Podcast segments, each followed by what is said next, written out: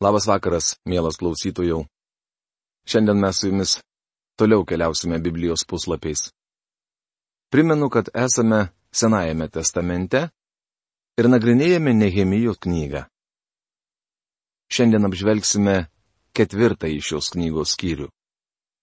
Skyriaus tema - Nehemijo atsakymas išorės priešininkams. Ankstesnėme skyriuje skaitėme apie tai, kad Nehemijas, sumanus jaunuolis, panaudojo specialią strategiją sienai aplink Jeruzalę atstatyti. Keliaudami aplink sieną išvykome, jog žmonėms buvo paskirta pataisyti tam tikrą sienos dalį ir ji aplink visą miestą kilo aukštyn tuo pačiu metu.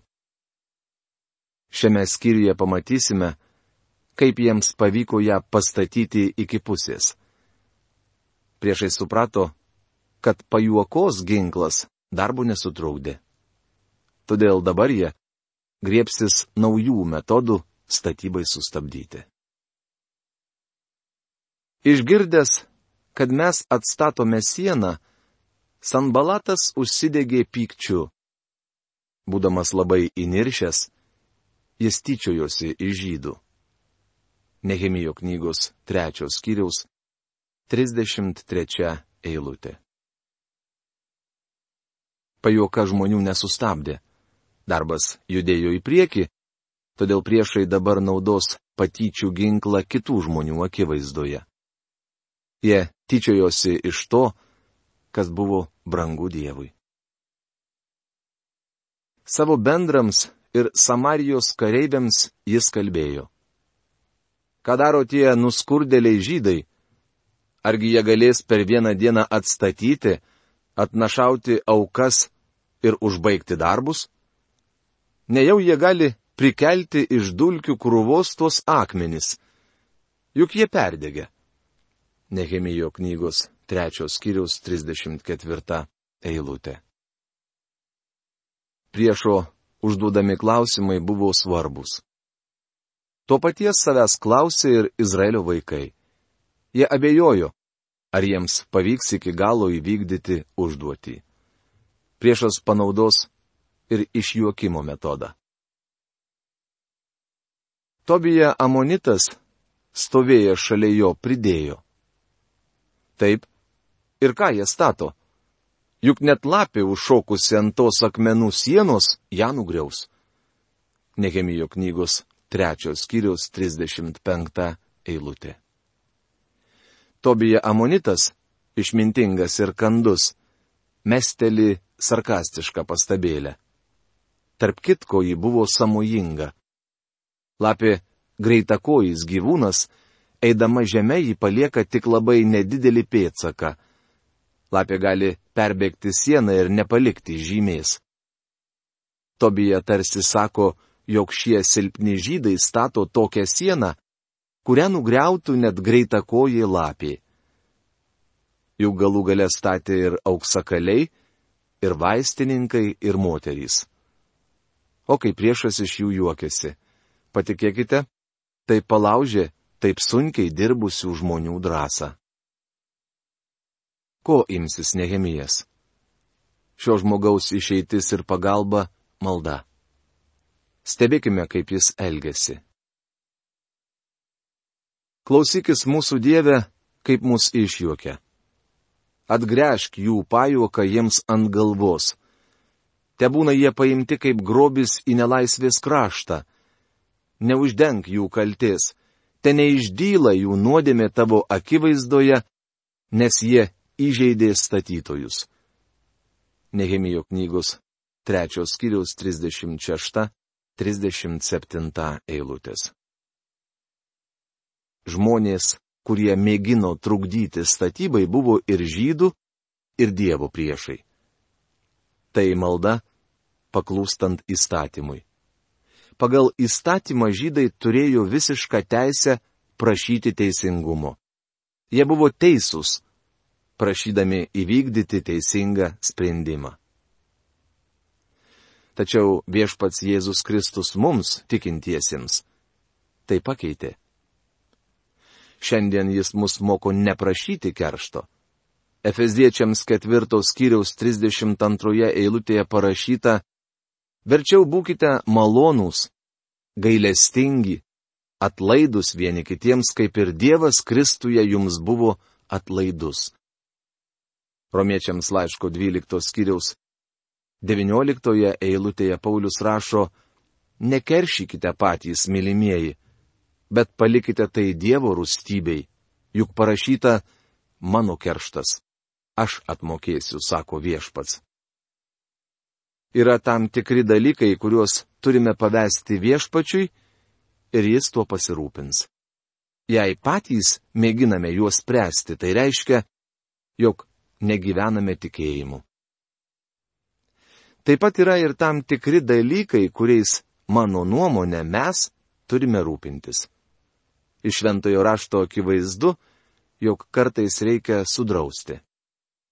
Skaitome, jog Paulius paliepė korintiečiams išspręsti bažnyčioje kylančias problemas. Paulius rašė Timotiejui, skelb žodį, veik laiku ir nelaiku, bark, drausk, ragink su didžiu kantrumu ir kaip išmanydamas. Rašoma antrame laiške Timotiejui, ketvirtame skyriuje, antroje eilutėje. Barti reiškia įtikinti, drausti reiškia gazdinti, raginti reiškia guosti. Dievo vaikas turi naudoti viešpaties kalaviją, tai yra Dievo žodį. Kalavijas turi perdurti tai, kas mūsų gyvenime nedora ir neteisinga. Jis taip pat turi būti naudojamas, kad sudužusią širdį pateptų giliado aliejumi. Kartais reikia sudrausti. Dieve padėk pamokslininkui, kuris to nedaro.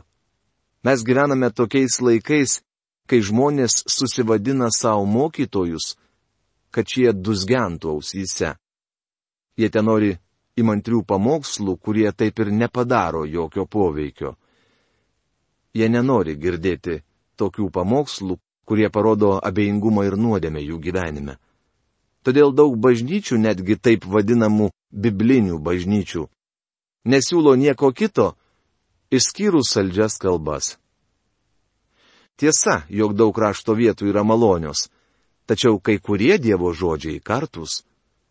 Daugelis žmonių pasirenka neklausyti to, kas kartu. Mano draugė, Įstatymo laikai žmonės galėjo melstis, kad jų priešams būtų įvykdytas teisingumas. Mes turime atsiminti, kad Dievo žmonių priešai yra taip pat ir Dievo priešai. Vis dėlto Dievo žmonių gyvenimas nėra vien tik malda. Tai ir ėjimas pirmin ir kova. Kaipgi elgesi šie žmonės? Tuo tarpu mes toliau atstatinėjome sieną, kol visa siena visur aplink buvo sujungta pusė savo aukščio. Žmonės į darbą įdėjo širdį. Nehemijo knygos trečios skyriaus 38 eilutė.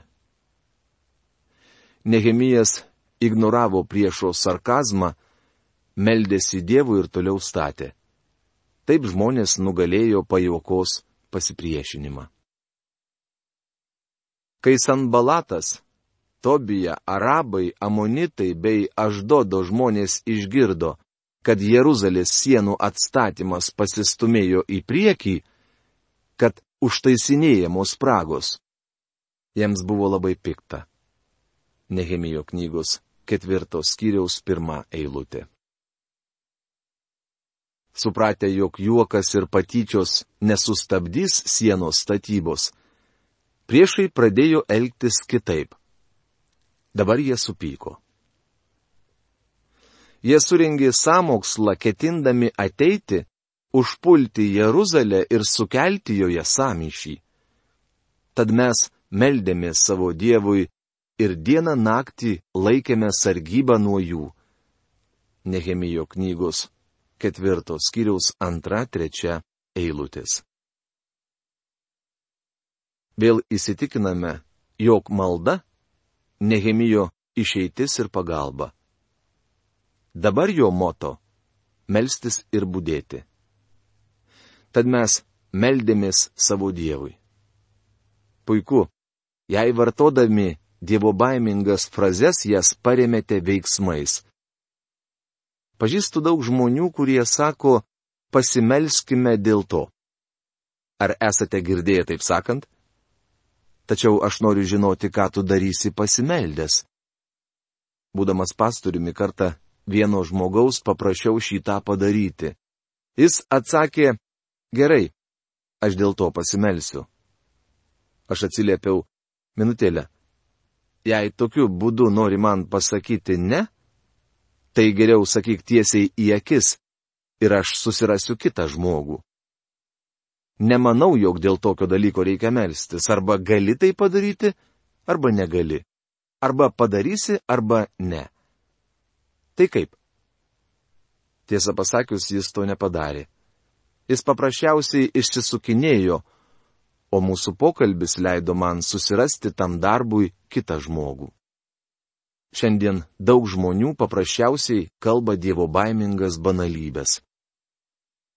Nehemijas taip pat galėjo ištarti nuvalkiotą maldingą frazę. Jis galėjo pasakyti, mes pasitikime viešpačiu, mes nieko nedarysime. Tai lengviausia išeitis. Būtent taip šiandien elgesi daug žmonių. Jie sako pasitikintys viešpačiu, tačiau ką jie dėl to daro? Jei tikrai pasitikė viešpačiu, tai kažko imsiesi. Nehemijas žinojo, kad priešas rengia prieš jį samokslą, todėl pastatė sargybą. Žinoma, to Dievas iš jo ir tikėjusi. Tačiau neramumai kilo ne tik išorėje, bet ir viduje. Tuo tarpu jude buvo sakoma, nešėjų jėgos nusilpo, o šiukšlių labai daug. Mes patys nepajėgsime sienos atstatyti. Nehemijos knygos ketvirtos kiriaus ketvirta eilutė. Tokiu laiku reikia būti atsargiam, nes velnės gali skaudžiausiai pažeisti iš vidaus. Vienas iš didžiausių šietono ginklų prieš Dievo žmonės yra nusivylimas. Prieš kurį laiką gavau laišką nuo jaunos misionierių šeimos, tarnaujančios Pietų Amerikos džiunglėse. Tai buvo pirmasis jų tarnavimas ir jie buvo nusivylę. Iš laiško buvo galima suprasti, kad jie pasiruošia vykti namo. Jie rašė, neįsivaizduojate, ką mums reiškia klausytis jūsų radio laidos čia, svetimoje žemėje tarp žmonių, kurių kalbos dar nesuprantame. Žinoma, velnes naudojo nusivylimų ginklą. Mes taip pat buvome netekę drąsos ir norėjome liautis transliuoti savo laidą toje konkrečioje stotyje Pietų Amerikoje. Tačiau viešpats nuostabiu būdu mums padėjo ir galėjome toliau tęsti savo programos transliaciją. Mes džiaugiamės, nes žinojome, kad Biblijos mokymas šiems jauniems žmonėms yra didelis padrasinimas. Draugai, koks nuostabus yra viešpats. O mūsų priešai sakė savo, kol jie spės pajusti ar mus pamatyti, užklupę juos išžudysime ir darbą sustabdysime. Ateidami pas mus tarp jų gyvenę žydai mus vis įspėdavo. Jie užpuls jūs iš visų vietovių, kuriuose gyvena. Nehemijo knygos ketvirtos kiriaus penkta, šešta eilutis. Priešai pasinaudojo tuo, kad žydai buvo netekę drąsos ir suplanavo netikėtą puolimą. Užklupę juos išžudysime.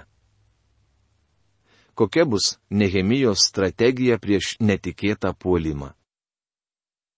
Tad pastačiau žmonės ant žemutinių pakopų už sienų atvirose vietose pagal jų šeimas su kalavijais, jėtimis ir lankais.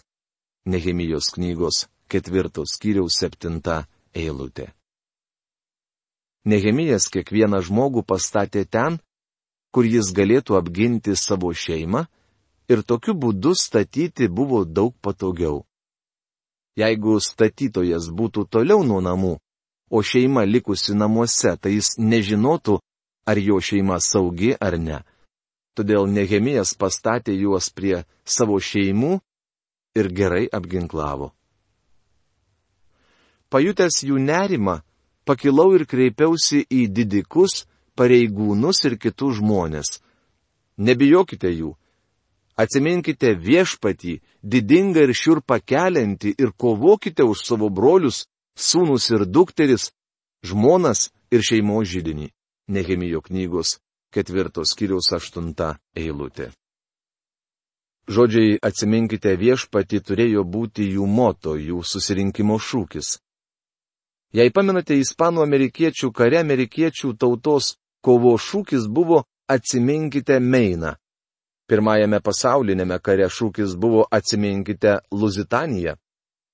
Antrajame pasaulinėme kare atsiminkite Pearl Harborą.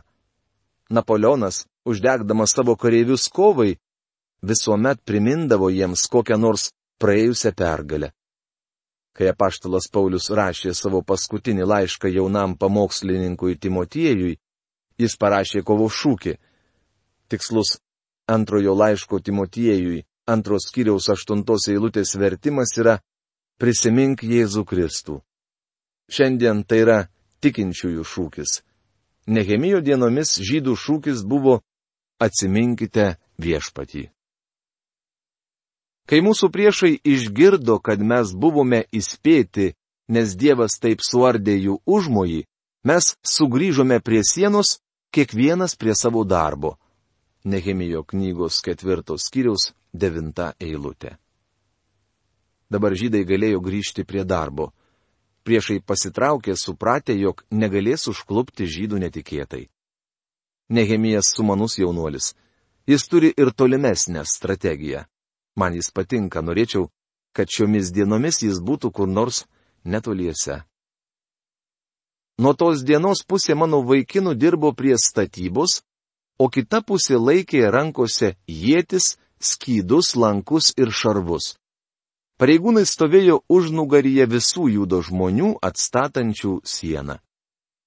Nešėjai taip nešė savo nešulius, kad kiekvienas atliko darbą viena ranka, o kita laikė ginklą.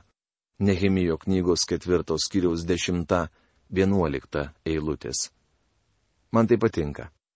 Kiekvienas statytojas vienoje rankoje laikė mūrininko mentę, su kuria statė, o kitoje kalaviją, kuriuo galėjo apsiginti.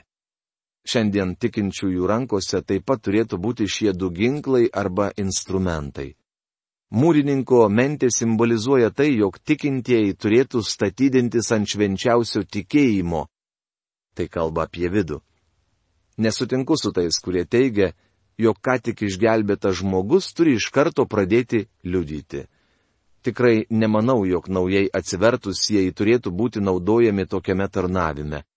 Visų pirma, jie iš patirties turėtų sužinoti, kad Jėzus gelbsti, išlaiko ir pasotina. Nuostabu girdėti, kad vakar ar praeitą savaitę buvo išgelbėtas žmogus, tačiau paklausykime, ką jis kalbės po metų ar dviejų, kad įsitikintume, ar jis statydinasi tikėjime. Matote, mes turime statydintis. Mūsų rankoje turi būti mūrininko mentė. Taip pat turime laikyti ir dvasios kalaviją. Tai svarbu. Dvasios kalavijas tai Dievo žodis, kuriuo apsiginame. Vienoje rankoje turime laikyti mūrininko mentę, o kitoje - kalaviją. Prieš daugelį metų Sperdžianas išleido žurnalą, kuris vadinosi Kalavijas ir mūrininko mentė. Jei neklystu, jis dar leidžiamas. Prieš kurį laiką teko paviešėti Sperdžiano bažnyčioje ir stovėti už sakyklos. Jis buvo didis Dievo žmogus tikėjęs, jog vienoje rankoje reikia laikyti mūrininko mentę, o kitoje kalavyje. O kiekvienas iš dirbančių prie statybos turėjo prisijuosęs prie šono kalavyje. Vyras, kuris pūsdavo ragas, stovėjo prie manęs. Didikams, pareigūnams ir kitiems žmonėms tariau. Darbas didelis ir plačiai išmėtytas. Mes atskirti vieni nuo kitų toli ant sienos rinkitės pas mus, kai tik išgirsite ragų gaudesį. Mūsų Dievas kovos už mus. Nehemijo knygos ketvirtos kiriaus 12-14 eilutės. Nehemijas sakė, aš būdėsiu. Kai išgirsite rago gaudėsi, ateikite pas mus ir mes sutiksime priešą. Taigi mes tęsėme darbą, pusė vyrų su paruoštomis jėtimis nuo ankstyvos aušros, kol pasirodydavo vakaro žvaigždės. Nehemijo knygos ketvirtos skyriaus penkiolikta eilutė. Nežinau, kokiai sąjungai priklausė šie vyrai, tačiau jie tikrai dirbo daugiau nei aštuonias valandas. Jie dirbdavo nuo ankstyvos aušros iki kol pasirodydavo vakarų žvaigždės. Patikėkite manimi, jie buvo pavargę ir pailsę viešpaties darbe. Be to, tuomet žmonėms paliepiau, ten nakvoja kiekvienas žmogus su savo tarnu Jeruzalėje, įdant galėtų sergėti naktį ir triūsti dieną. Nehemijo knygos ketvirtos skyriaus šešiolikta eilutė žmonėms, kurie atvyko iš tokių tolimų vietų kaip Jerichas, Nehemijas kalbėjo.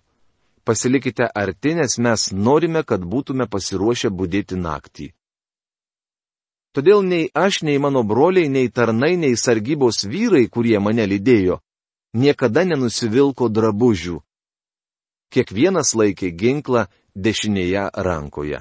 Nehemijo knygos ketvirtos kiriaus septyniolikta eilutė. Kosto burbulio vertime šia eilutė skamba tiksliau. Nei aš pats, nei mano broliai, nei mano tarnai, nei sargybiniai lydėję mane nenusivilkdavo savo drabužių. Nusivilkdavo kiekvienas tik tada, kai reikėdavo apsiprausti. Aš jau ketinau pasakyti Nehemijui, vaikinė, nebejoju, kad per visą tą laiką išsipurvinai. Tačiau Nehemija sako, žinoma, kad maudydamiesi mes nusirengdavome. Matote, Biblija pilna samojo. Netgi tokios kritinės situacijos aprašyme viešpats juokauja. Kitu atveju jie niekuomet nenusivilkdavo drabužių, nei dieną, nei naktį. Jie nuolatos būdėjo. O kad šiandien mes būtume taip apsirengę Dievo ginklais. Prieš akį laukia išbandymų metai. Kils tikrai didelių sunkumų, kurie supykdys Nehemiją ir beveik sugriaus viešpaties darbą. Bet apie tai, mielas klausytojų, mes su jumis kalbėsime, nagrinėsime jau kitose mūsų laidose. Šios dienos laida baigėsi. Iki malonaus susitikimo. Sudė.